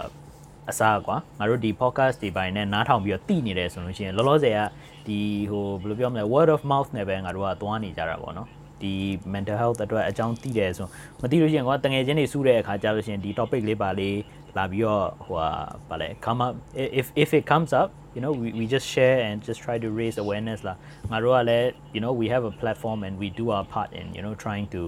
uh, up upgrade the software လာ of the people I feel as mental health တာတကယ်တမ်းတော့အရေးကြီးတယ်ခု mental health မမှန်တဲ့လူတွေကမှနည်းနည်းဟိုအသက်ကြီးလာတဲ့အခါကျလို့ဟိုဟာဗာလဲဒီပေါ့နော်ဒီအောက်ကလူတွေကိုပြန်ပြီးတော့ကြည့်ရတဲ့အခါဟို company ပိုင်ရှင်ကြီးတို့မှကောင်းဆောင်တွေပဲဖြစ်လာတယ်ဆိုလို့ရှိရင်လည်း ကိုအောက်ကလူတွေအတွက်လည်းအရေးကြီးတာပေါ့ဘာဖြစ်လဲဆိုဟိုကိုအောက်မှာလှုပ်လှုပ်နေတဲ့လူကဟို productive ဖြစ်တော့မှာကွာသူအကုန်လုံးကစိတ်မှန်ပြီးတော့အကုန်လုံး okay နေမှဟို company ရဲ့ profit လည်းတက်မှာပေါ့တဘောအဲ့ဒါတော့ငါအမြင်ပေါ့နော်ဟိုဗာလဲ there's there's no evidence to say it လား but then ဒါဒါတော့ငါငါအမြင်တော့ပေါ့အဲ့ဒါအဲ့ဒါပြောတာဝင်ပြီးတော့အာကိုနာကိုမိုးပြောတဲ့ဟာလေးမှာအာဒီ articles တို့ဒီ research တို့နဲတယ်ဆိုတာဟုတ်တယ်ဒါပေမဲ့ I found a very recent one ပေါ့နော်အဲ့ဒါ back in 2019မှာလုပ်ထားတာ um oh it said um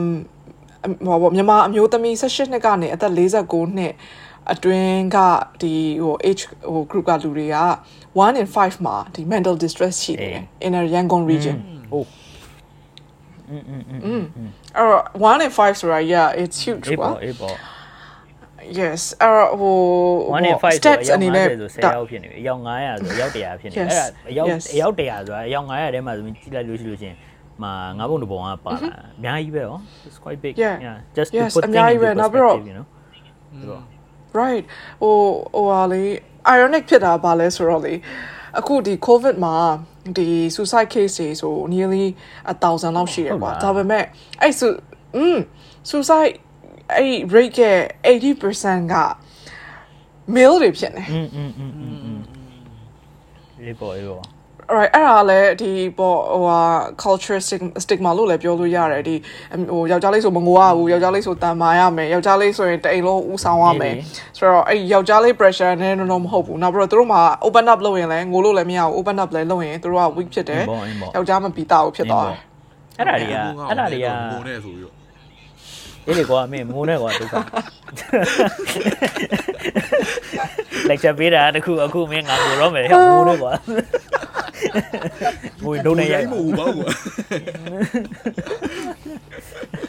ဟိုဟိုခုနကခုနပြောတဲ့ statistic က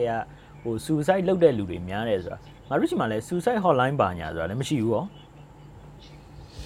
อืมမရှိဘူး very shy နောက်ပြီးတော့အဲ့နောက်မှာဟိုဟာတာဝန်ယူမှုတာဝန်ခံမှုလုပ်တဲ့ဟာတွေလုံးဝမရှိဘူးအေး like ဘယ်ဘယ်ဘယ် like လို့ဘယ်ဟိုဖြစ်ရမှန်းတော့မသိဘူး protocol မရှိဘူးပေါ့ကွာဟုတ်တယ်ဟုတ်တယ်ဘာလို့တင်းနေပါတယ်မော် तू ဘလို့ကြီးညာလားမရှိတာအာတင်းပါဟိုပါပေါ့ဒီဟိုမဂ္ဂဇင်းတို့ဘာလို့သတင်းယူတဲ့ဟိုဟာ journalist တွေရှိတယ်ဆိုတော့ဟိုဟာဒီဟာတွေကတက်လာတာပေါ့အာဒါပေမဲ့ NGO တို့ဒီဟိုဟာ UN related ဟာတွေက report တွေထုတ်တယ်အဲဒါကြောင့်မလို့ငါတို့ဒီ numbers nearly number ဒီလောက်သိရတာပေါ့ဟိုဟာ site side track a bit อ่ะ ဟိုခုနကငါတို့ပြောနေတဲ့ဒီ evidence gathering ပေါ့နော်ငါတို့ research လုပ်တဲ့အခါကျတော့ article တွေဘာညာတွေတိတ်ပြီးတော့ ref- အာ reference material တိတ်မရှိဘူးဆိုတာဒီ article ဘာညာငါတို့ publish လုပ်တယ် reference material အတွက်ပေါ့နော်ဟို for for public use and all that လာငါတို့ wiki wikipedia ပဲတင်နေထားပါအောင်ကွာ uh oh so my question is do you think that it's because oh, of the language barrier ဘာလဲဆိုတော့ငါတို့တွေကအခုနိုင်ငံခြားမှာသွားပြီးတော့စတင်တယ်ပညာတင်တယ်အမြင်အတွေးတွေခေါ်အတွေးခေါ်တွေအများကြီးကွာဟို something new we learn လာတကူငါတို့မှာအစ်အစ်တွေမှာလေ့လာမိတယ် so ဒါပေမဲ့ငါတို့က if we want to bring back อ่ะငါတို့ကလည်း language barrier နဲ့ပြန်ပြီးတော့ဟိုအထူးဖြင့်ငါတို့ငါတို့ podcast ကိုနားထောင်တဲ့လူတော့သိပါတယ်ငါတို့ဒီနေ့တော့မှဟိုစိတ်ချမ်းသာရေးဆိုတာအခုမှငါနားလဲတာ အဲ့ဒါမျိုးဆိုတော့ငါငါသိတဲ့ဥစ္စာနဲ့ကွာတခြားတခြား reference material တွေကိုပြန်ပြီးတော့ငါဟိုစားပါလဲဒီမှာဝင်ပြီးတော့ဟိုစားပါလဲ Localize ပြန်လုပ်တာဒီ to bring it all over อ่ะပြီးတော့ငါတို့ကပြန်ပြီးတော့ရှင်းက verbalize လုပ်ဖို့အတွက်ကငါတို့ရှိမှာလဲဟို language barrier language barrier နဲ့များတယ်လို့ထင်လားဟို written language barrier ပဲမဟုတ်ဘူးဟောအဲ sorry ဟို spoken language barrier ပဲမဟုတ်ဘူး written လည်းပါတယ်ရောငါထင်တာအဲ့ဒါမျိုးထင်တာဘာဖြစ်လဲဆိုတော့ငါအခု Yes. အခု ready ဟိုမြန်မာစာရိုက်လို့ရှိရင်ဇော်ကြီးနဲ့ unicode နှစ်နှစ်ခုစလုံးငါတိတ်ပြီးတော့ငါအခု ready တိတ်ပြီးတော့မပေါက်ကုတ်ပဲဘူးတုံတော့ဇော်ကြီးဘာလို့တုံတုံနေသေးလဲပြူလေတချို့ဥစားတွေကဇော်ကြီးတဲ့တချို့ဥစား unicode အခု unicode ကဟိုဟာဖြစ်သွားတာတော့တည်တယ်ဟို official လိုမျိုးဥစားဖြစ်သွားတာတော့တည်တယ်ကွာ Uh, so do you think these these things play a big role in ဘောနော်ငါတို့တွေအဲ့အဲ့ဒါမျိုးဒီ information ဒီ crossover bridge လို့ပို့အတွက်က အကောင်နဲ့ share ပြော a ပါအောင် very big role ကောင်နဲ့မဂျူဒီပြောပါအောင်ဟိုကမဟုတ်ငါငါဟိုကဘောနော်ခုနကဟိုဘောနော်မတ်ဂျူဒီပြောလို့ပဲအဲ့လိုပေါ့ငါမေးတဲ့သဘောမျိုးကဘာဖြစ်လို့ဆိုလို့ရှိရင်တကယ်လို့ newspaper တွေပါပါဆိုလို့ရှိရင်စင်ကာပူမှာဆိုလို့ရှိရင်ကွာတကယ်လို့တယောက်ယောက်ကဟိုဘောနော်သူ့တက်သူယူသွားတာတော့တယောက်ယောက်ကအဲ့လိုဘောနော်တခုခုဒီပေါ့စိတ်စိတ်ဖိစီးမှုကြောင့်တခုကိုယ့်ကိုဘောနော်တခုလုတ်ခဲ့ရဆိုလို့ရှိရင်ငါတို့ဒီ channel news asia ဘောနော်အမြဲအဲ့လိုဘောနော်ဒီ article ပဲတော့အမြဲ like every events will be documented အဲ့လိုသိရမလားဘာလို့ဒီ government ကိုယ်တိုင်လည်းပြောလို့ရကွာဒီလိုမျိုးကိုသူတို့ကဟိုဟာဒီဘာကြောင့်လို့ဒီလူကဘာလို့လုပ်လဲဘယ်အသက်အရွယ်မှာလုပ်လဲဘာတွေဘာဘာကြောင့်မို့လုပ်လဲပြီးလို့ရှိလို့ရှိရင်သူတို့က outline မှာသူက hotline တွေပါတယ်သူအကုန်ပါတယ်အဲ့တော့ it's also like government also play a part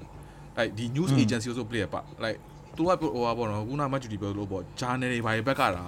သတင်းတော့ရှိခဲ့မှတာကွာသူကဒါမျိုး report လုပ်တာ ဟုတ်တယ်ဟုတ်တကယ်လို့ငါတို့ဒီ official အဲ့လိုပေါ့ news ဆိုဘာလို့ကလည်းတေချာ report ကောင်းလို့လို့ရှိလို့ရှိရင်လူတွေကလည်း like ပို့ပြီး aware ဖြစ်သွားလိမ့်မယ်ကွာသိရမလားဟာအယောက်တစ်ထောင်လောက်ဆိုနင်းတာမဟုတ်ဘူးအယောက်တစ်ထောင်ဆိုတာ that's that's a big number ပြီးတော့သူကပြောလို့ပဲ9ယောက်မှာတစ်ယောက်ကစိတ်ဟိုပေါ့နော်ဟို PC မှုစိတ်တိုင်းဟိုရရဆိုတာ it's a lot of statistics you know so i think ငါပြောလို့ရှိရင်တော့ငါထင်တာတော့အဲ့လိုပေါ့နော်ဒီ translation ကတခုပါတယ် ဒါပေမဲ့ဒီ internally လည်းအရေးကြီးတယ်ပေါ့နော်ပြောလို့ရှိရင်အဲ့လိုပေါ့ဒီသတင်းစာတို့ဒီ government government ဘက်ကလည်းပေါ့နော်သတင်းတွေဘာတွေမှာဆိုတော့သူတို့ကပို့ပြီးတော့ဟိုမင်းပြောတာကြောင့်ဟိုအကျယ်ချုပ် in the whole picture already ဖြစ်သွားတာပေါ့နော်သူတို့က report လုပ်မှသိရမလားဟိုဟာဖြစ်မှာလေလူတွေကပို့ပြီးတော့သိမှာနောက်မလို့ရှိရင်သူတို့ကတိတ်ပြီးတော့သိမှာမဟုတ်ဘူးဒီမှာစင်ကာမှာဆိုလို့ရှိရင်ငါတို့အမြဲသိရကွာဘာလို့ဒီသိရမလားတခါကျလို့ရှိရင် SCF ကနေဟိုတနက်နဲ့ပြစ်တာကွာဘာလို့ပြစ်လဲမလားအကုန်လုံးသိရငါပြီးလို့ရှိရင်အော် okay so this like ငါတို့ကတော့ဒါဒီ mental နဲ့ science ဆိုလို့ရှိရင်တော့ it's like we are in touch you know we are aware yeah ငါတို့ခံစားရပါဘောနော်ဒါပေမဲ့ဟိုပါပေါ့နော်ငါလည်းဟိုပြင်ပြန်လာခြင်းမှာ language barrier အရန်ကိုပြဿနာဖြစ်တယ်ပြဿနာဖြစ်တယ်ဆိုတာအာဒီဘက်မှာသူတို့ absorb လုပ်နိုင်တဲ့အာ language တစ်ခုရှိတယ်မြန်မာစာအုံမှ ဒီဟိုပေါ့နော်မြန်မာစာအုံမှဒီ apply မြန်မာစာလို့ပြောအောင်မဖြစ်နေအဲ့ဒီဟာလည်းအရေးကြီးသေးတယ် especially ငါအခုဟိုပေါ့ဒီ talk တွေပြောတယ် webinar တွေပြောတယ်ဆိုတဲ့အချိန်မှာအရင် prepare လုပ်ရတယ် you know what like ငါ ဟိုစာစီစာကိုရေးတယ်လို့ငါချရေးရတယ်မြန်မာလိုပြန်ပြီးတော့လဲဟိုဟာဖြစ်ရတယ်ဘာလို့လဲဆိုတော့ဟိုအရန်ငါပေါ်မူတည်နေတယ်ဒီ pay ရဲ့ delivery message ကဒီဟာတွေပေါ်မှာအရန်မူတည်နေတယ်ကိုယ့်ရဲ့ audience ပေါ့နော်ဘာလို့လဲဆိုတော့နောက်တစ်ခုကအင်္ဂလိပ်လိုညှက်ပြောတဲ့ကိစ္စတွေကအစင်လုံးဝမဖြစ်ဘူးအဲ့တော့ကိုကငကိုရဲ sport ဖြစ်အောင်ကြိုပြီးတော့အာသွားထားရတယ်ပေါ့နော်အဲ့တော့မပါဟိုပါရင်နောင်ဘယ်လိုဖြစ်အောင်ဘယ်လိုပြောရမလဲအာနည်းနည်းဟိုပါပေါ့ဟို look down ဖြစ်တဲ့ပုံစံမျိုးဖြစ်သွားတယ် yeah ဘာလို့လဲဆိုတော့မြန်မာပြည်မှာမြန်မာစကားကိုရေးလဲလဲနဲ့လိပ်ပတ်လဲအောင်သူများနားဝင်အောင်ရှင်းပြနိုင်တာလဲ it's one of the skill ဖြစ်သွားတယ်အောက်သွားပြီကိုမွေငါတို့လေအေးတော့ပြီဒါပေမဲ့ဒါပေမဲ့ငါတို့လိုမျိုးပေါ့နော်ဒီတခြားတခြားပေါ့ဒီဟိုစားအင်္ဂလိပ်လိုရောမြန်မာလိုရောတတ်တယ်ဒါပေမဲ့အဲ့ဒါမျိုးနင့်လိုမျိုးစာစာကုန်းရေးပြီးတော့နှစ်ပတ်လည်အောင်ဟိုဗာလဲပြောဖို့ဒါမှမဟုတ် translation လုပ်ဖို့ဒီ to get the point across ဟိုငါတို့ ငါတို့တချို့ Reddit တို့ဘာလို့ညာတော့မှာကွာဟို subreddit ဘာညာငါတို့ဖတ်လို့ရတယ်ကွာအဲ့ဒါမျိုး platform လိုမျိုးငါတို့ရှိမှာ similar ရှိလား Facebook ကတော့ငါပညာတင်လို့ရတာတော့ is is very like ဟို too too chaotic already I feel but Facebook is the internet here အာအကုန်လုံးက Facebook မှာပဲ internet was born on Facebook ဟုတ်တယ်ဟုတ်တယ် I see I see ဆိုတော့ဒါက like မြန်မာ style ပဲ နေပါနေပါ အဲ့တော့အဲ့တော့ ဟိုဗာလဲစာခုနပြောသလိုအာရေးတာရောပြောတာရောမှာအရန်လိုတယ်ငါတို့ငါအခုဒီ honest hour က articles တွေပါရီတောင်ဆိုရင်ငါအမှန်တကယ် to be honest copywriting กว่าဒီဟိုတချို့နိုင်ငံခြား website ကဟာလေးတွေကိုပြန် copywriting လုပ်တဲ့အချိန်ကြာလို့ရှိရင်အရန် deep ဖြစ်သွားတယ်သူတို့နားမလဲတော့ อืม โอเคโอเคဟုတ် အေးပေါ်အေးပေါ်အေးပေါ် research paper တွေပါရီအဲ့လောက်ကြီးသွားလို့မရ အေး ဘူး ပေါ်အေးပေါ်အေးပေါ် ဟုတ်တယ်ဟုတ်တယ် အဲ့ဒါကอืมဒါပေမဲ့ဟို topic တွေပေါ့နော်သူတို့ ဟိုငါတို့အခုဆိုလို့ရှိရင် mental health အကြောင်းလိုမျိုးပေါ့ပြောရပါတော့အဲ့ဒါမျိုး topic တွေကိုလုံးဝဟိုအကုန်လုံးစုပေါင်းပြီးတော့ကွာဟိုပေါ့နော်ဒီမြန်မာပြည်မှာတိတ်ပြီးတော့နည်းနည်း foreign ဖြစ်နေတဲ့ topic တို့ဘာလို့ညာတို့ကိုဒါမှမဟုတ်ဒါမဲ့ဒါမဲ့တခြားနိုင်ငံတွေမှာပေါ့နော်ဥပမာ just just take mental health for example လားတခြားနိုင်ငံမှာဆိုလို့ရှိရင် it's it's normal ဒီစိတ်ချမ်းသာရေးဆိုတာလိုအပ်တယ် one of the fundamentals ငါတို့မင်းနေစရာတော့မလို mental health oh yeah yeah yeah we know about it you know ဒါပေမဲ့အဲ့ဒါမျိုး topic တွေတခြားတခြား topic တွေရှိရင်ရှိလာမယ်ကွာငါတို့တွေဟိုပေါ့နော်ဟို whether the person is uh, like or want to talk about uh, like coming out whether he is gay or bisexual or it can be deeper things you know or like or can be uh, things about uh, political stuff or education အဲ့ဒါမျိုးအဲ့ဒါမျိုးရှိတဲ့ဥစ္စာမျိုး topic တွေကိုလာပြီးတော့ discuss လုပ်တဲ့ဟို platform လို့ကျွန်တော်ရှင်တော့ကျွန်တော်တို့ရဲ့ chill tea podcast ကိုနားထောင်ပါ ဘယ်ကနေဘလို့ဘယ်ကနေဘလို့ဝင်လာလဲမသိဘူးငါအကောင့် yeah yeah အဲ့ဒါဝင်ဖို့ငါမနေစဉ်းစားနေအချိန်မှန်စောက်လာဟာလားအချိန်မှန်စောင့်နေတာ strike when the iron is hot ကြားဘူးလားမိအဘောတန်တန်ပူလုံးမြေတူနဲ့ထူပါလားညီမလို့ တဲ့ကြည့်တဲ့ကြည့်ပြန်ချလိုက်တာဟုတ်တယ်လို့တိုက်ကိုတိုက်ကိုပါလာပြန်ဒါရပြန်ပြငါဟိုနင်းဟိုငါတို့နင်း O level တော့ကနေမြန်မာဟို mother tongue ပါယူလားမြန်မာပဲမြန်မာသားပဲလား Is Yes. it? Oh, okay, okay. Yes. ဟောငါတို့မသိဘူးငါတို့ ငါတို့နင်ဟိုအရင်တော့ဟိုဗာလဲအရင်နေ့ဟို10 year series paper ပါညာဟိုတရားမင်းကိုဘာသာပြန်ခိုင်းတာတွေပဲတွေ့လား Yeah, ကျုပ် I know, တရားမ I င်းဆို know. sugar cane နဲ့ဆိုဟာလာတော့ကငါလည်းအဲ့လိုဖြစ်နေသူများကိုရီပြီးတော့တန်ပူတော့တူနေထူပါတို့က direct ကို transition လုပ်လိုက်တာ။ အော်အင်းပေါ့အယုတ်စာလည်းခက်တယ်ကွာငါတို့မြန်မာစကားကိုခုနပြောလို့ပဲနည်းကျဲကျဲပြန့်တဲ့ဥစ္စာ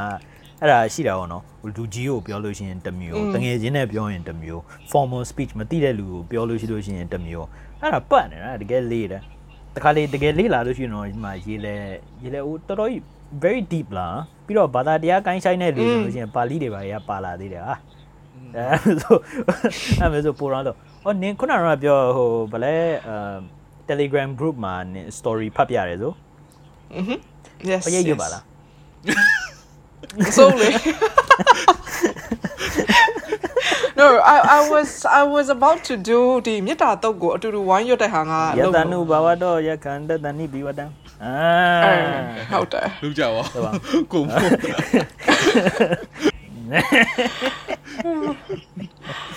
ကိုကိုကိုမေဟိုမြေတာတော့လွတ်ရလားငါတို့မြေတာတော့ဆိုနေငိမ်ပါမဟုတ်ဒါပေမဲ့အဲ့မိသားတော်ဘာဒါပေမဲ့ဟိုပါလေအဲ့စာအုပ်ဖတ်တာဆိုတာဟိုက audio book လိုမျိုးမှလားအေးဟာ audio book ဟုဟုတ်တ်တတယ်ယ်ကောင်းတာဟုတ်တယ်อืมအတန်ကောင်းတဲ့လူတွေဆိုကောင်းတယ်တို့တွေကအခုဟို podcast ပါတော့မနေဟုတ်ငါတို့လည်းငါတို့လည်းအဲ့ဒါမျိုး podcast မှာအဲ့ဒါမျိုးလုပ်ဖို့ idea ပေါ့နော် အဲ့ဒါတော့ရှိရဟို series series ပေါ့တဘောကဒီဒီလိုမျိုးဒီ audio book story လိုမျိုးပဲပေါ့အဲ့ဒါမျိုးဥပမာကွာငါတို့ idea ဆိုလို့ရှိရင်ဟိုဒါကတော့ငါတို့လာမဲ့ငါတို့ share series တဲ့ trailer ပေါ့ဟာငါပဲကြော်ညာဝင်နေကွာကိုအောင်တော့ကြော်ညာဒီတစ်ခေါက်မင်းငါရှက်တော့ရှက်လာပြီငါရှက်တော့ရှက်လာပြီဝယ်ပါဝယ်ပါဝယ်ပါနည်းနည်းလေးများနေအဲ့တော့ငါမလုပ်ရအောင်မင်းလုပ်မင်းလုပ်လုပ်ပါဘာလို့ခါလို့ကြောင်ကြောင်ဝင်တာငါဒါငါ့ရဲ့တာဝန်မဟုတ်မင်းရဲ့တာဝန် အဲ့လိုပဲငါတို့ podcast လုပ်ရငါတို့ငါတို့ရဲ့ mental health လည်းဒီစိတ်ကျန်းမာရေးနဲ့ podcast လုပ်တော့မှအဆင်ပြေတာอืมဟုတ်တယ်ခါကြလို့ရှိရင်ကွာအဲ့လိုဟိုဒီငါဆိုလို့ရှိရင်အဲ့လိုပေါ့နော်ဒီ mental health ရှိရှိတာမရှိဘူးလည်းမဟုတ်ကွာခါကြလို့ရှိရင် stress တွေပိုင်းများလို့ကွာဒီခုနကပြောလို့ခါကြရင်အဲ့လိုပဲကောင်းကထူလို့ရှိလို့ရှိရင်ခါကြရင်သူနဲ့ငါ podcast ဆိုလို့ရှိရင်ရီလိုက်ဟားလိုက် then it's like i feel i feel good yeah ကြောက်ပါ ဒီပေါက်ရတယ်တည်ရမလားပြောဒီ podcast ပြီးလို့ရှိရင်အေးပေါ့အဲ့အေးပေါ့ပေါက်ပဲထိုင်ပြောပြီးလို့ရှိရင်ငါ okay လား it feel much better လိုရလိုရအဲ့လိုမျိုးကလေဘာလို့လဲဆိုမြန်မာနိုင်ငံမှာအဲ့လိုလွတ်လွတ်လပ်လပ်ပေါ့ပေါ့ပပနဲ့ freedom freely ပြောတဲ့ဟာရှားတယ်ကွာအဲ့လိုပြောပြောလို့ရတဲ့ရဝန်းရှားတယ် and everybody is ဟို labeling ဟုတ်လို့အဲ့ဒါလေကြောင်းကြောင်းနေပါတွေကနေပေါ့စစတယ်လို့ထင်လား Mm I think it's a whole society ပါပဲ everywhere ပါပဲ။ငါထင်တာတော့အဲចောင်းပါညာနေပြီးတော့စတင်တယ်လို့ထင်တယ် mental health ဒီစိတ်ကျန်းမာရေးအတွက်ပါညာဆိုရင်ဆီယာမတွေဆီယာဆီယာမတွေခုနိုင်က they should be given an introduction to it ကွာပြီးတော့သူတို့ကအဲ့ဒါ shit ငါတို့မြန်မာ မြန်မာစကားရှိရလေရှေ့ဆောင်သွားလားဖြောင်ဖြောင်သွားနောက်တော့တတိုက်ဖြောင်ဖြောင်လိုက်ဤ Oh ဆို shit ရှေ့ generation ကတော့ oh shit that's deep အဲ့ဒါမဟုတ်ဘူးကိုမို့ရအဲ့ဒါငါဟိုးတစ်ခေါက်တော့ငါတို့အေးမေခိုတနေ့ကမင်းပြောနေတာလေကွာငါပြောတာအဲ့ဒါဒါပေမဲ့ तू ပြောတာပိုကောင်းတယ်အဲသူပြောတာကိုကောင်းတယ်မင်းပြမင်းပြောရပါလေလို့ပေါ့ပြန်ပြန်ပြောရှေ့တော့ရှေ့ကသွားရင်တော့ကောင်းတက်တက်သွားနေပါဂျူဒီဂျူဒီပြောတာဗာလေအေးဟိုစား ရှေ့ရှေ့ရှေ့ဟိုစားဗာလေနင်းနင်းရှေ့ဆောင်ရှေ့ဆောင်တော့လားဖြောင်ဖြောင်သွားနောက်တော့တတိုက်ဖြောင်ဖြောင်လိုက်ဤရှေ့တဲ့အဲ့ဒါငါဖြောင်းအောင်တော့မပြောနိုင်ဘူး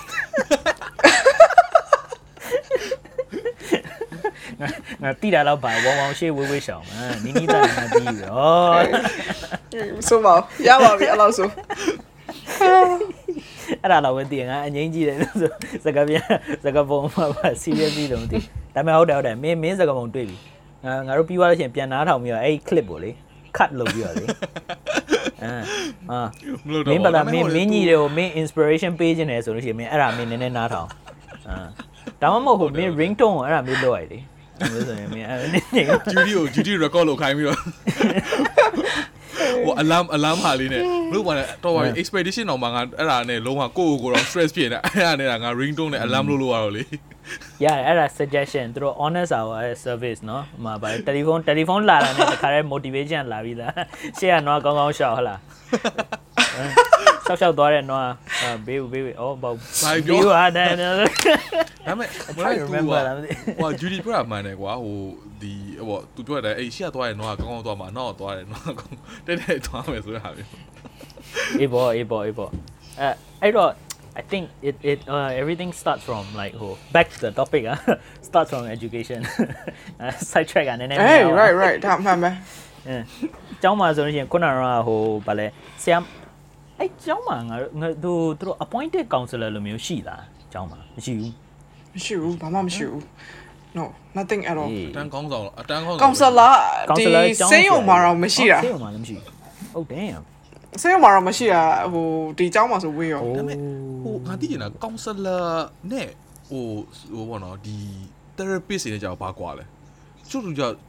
ရှိရလေသိရမလား อืม အဲ့တော့ဟိုကမြန်မာနိုင်ငံမှာက okay မြန်မာနိုင်ငံနဲ့ကြည့်မယ်ဆိုရင် psychology မှာ psychology ရဟိုရန်ကုန် University ကတင်တဲ့ဟာမှာ counseling subject ကတခုပဲပါတယ်အဲ့ဒါပဲ that's all that's all in this country อืมအဲ့တော့ဟိုဟိုပါပေါ့နော်အဲ့တော့တခြား NGO တို့ဘာတို့ကနေပြီးတော့ overseas ကပေးတဲ့ training တွေရှိနေလို့ဒါဒီ counselor တွေဖြစ်လာတာအာ education ဘိုင်းကရှိဦးမရှိဘူးနောက်ပြီးတော့ခုနပြောတဲ့ဒီ therapist ပေါ့နော်ငါတို့ psychology ဟိုဟာ career မှာပထမအရင်ဆုံးကတော့ counselor ပေါ့နော် counselor နေပြီးတော့သွားမယ်ဆိုရင် master နဲ့ ဒီဟိုဟာ psychotherapist သွားတယ် psychologist သွားတယ်နောက် clinical ဆိုတာရှိတယ် clinical psycho um အေးပေါ့ psychologist ပေါ့နော်အဲ့ဒါတော့ဆေးရုံတွေမှာသွားတဲ့ဟိုဟာတွေကိုသွားတယ်အဲ့တော့နောက်ပြီးတော့ပြီးတော့မှ psychiatrist psychiatrist ကတော့ဆေးပေးတာဆေးနဲ့စိတ်ကိုကူတာပေါ့လေဟိုကတော့ကျန်တဲ့ဟာတွေကတော့ဒီစိတ်ကိုစိတ်နဲ့ပဲကူတာဒီဟိုနယ်ပယ်ထဲမှာပေါ့อืม โอ้อืมအဲ့ဒါမျိုးငါတို့ရှိမှာငါတို့ရှိမှာအဲ့ဒါတော်တော်ကြီးကိုလိုတယ်အဲ့ဒါอืมတော်တော်ကြီးကိုလိုတယ် အဲ့တော့ခုနကပြောလို့ပဲဒီတည်တဲ့သူမိတ်ဆွေတယောက်က going through some stuff လား so you can just ဟိုဒီ podcast တမမဟုတ်ဟိုဗာလဲ Judy ရဲ့ honest ကို share share ပေးလို့ရပါတယ်လို့အဲ့မျိုးပေါ့ဟို you'll never know လေကိုကိုတက်ကတော့ share လိုက်တာပဲကုလို့ရ ဒီ တာ လူတွေရှိလို့ရှိရင်ဘလို့ what is the best approach ဘလို့ approach Hey, လုပ် bitch, လို့ best ရှိရင်ဟုတ်အဲ့လိုရှိတယ်ကွာ like ငါဆိုလို့ရှိရင်ကွာဒီလိုဒီလိုဒီလိုကိုမိုးရတာကွာစိတ်ခုနေဖြစ်နေဆိုလို့ရှိရင်ကွာဒါတကယ်ချင်းလိုလိုငါဆိုပြောလို့ရတယ်ကွာဒါပေမဲ့အေး if ဟုတ်တယ် someone that I know maybe not so close but you know I know that she or he or she having a problems တခုအဲ့လိုပေါ့နော်ဒီဘယ်လိုမျိုး best approach ခါကျလို့ရှိရင် sometimes you know တခါကျတော့သူတို့က offense like offend နေဖြစ်ရင်ဖြစ်နိုင်တယ်ကွာသိရမလားအဲ့တော့ဘယ်လိုမျိုးပေါ့နော်ကိုကောင်းကောင်း approach လုပ်တင်တယ်အဲ့လိုမျိုးဟိုပါပေါ့ရှိရလူတွေအတွက်ဆိုလို့ရှိရင် အဲ့တော့အဓိကကတော့ကုညီခြင်းတယ်သူများကိုကုညီခြင်းတယ်ဆိုရင်အကောင်းဆုံးဝေးက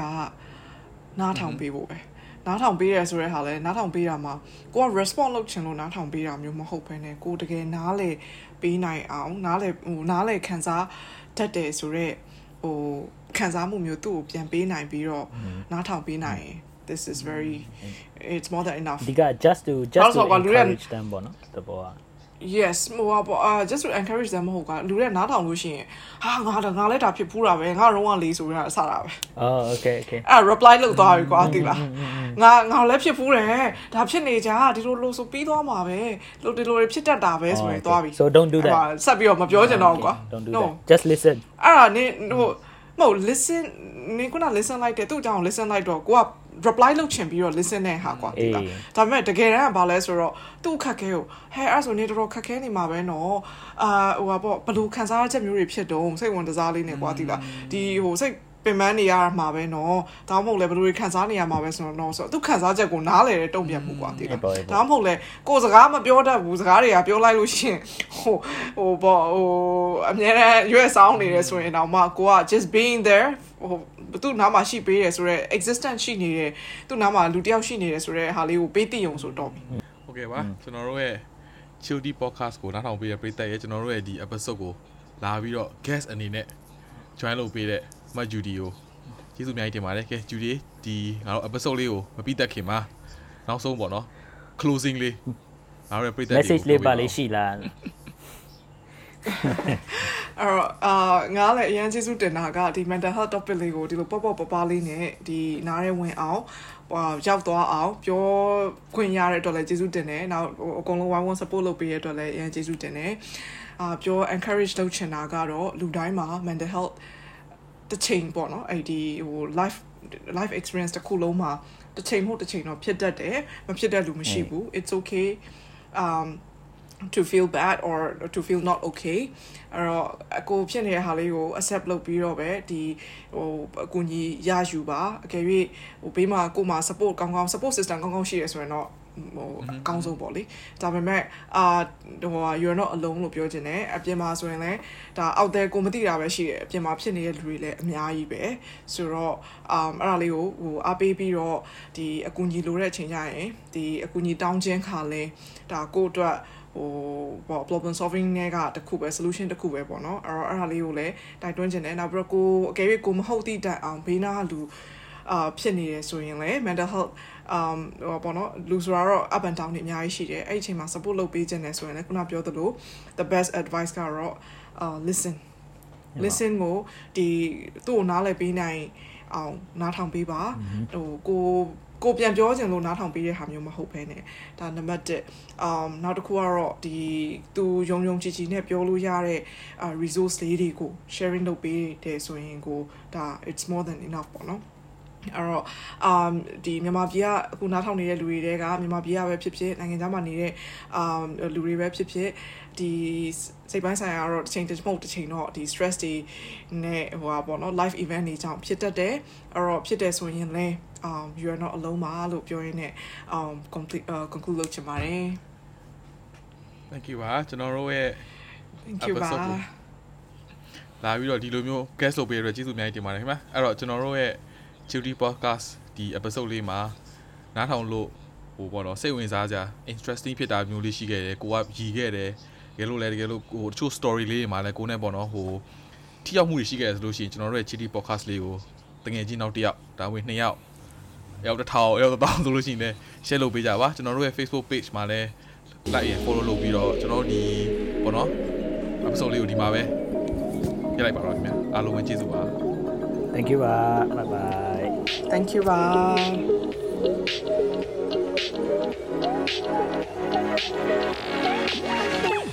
Thank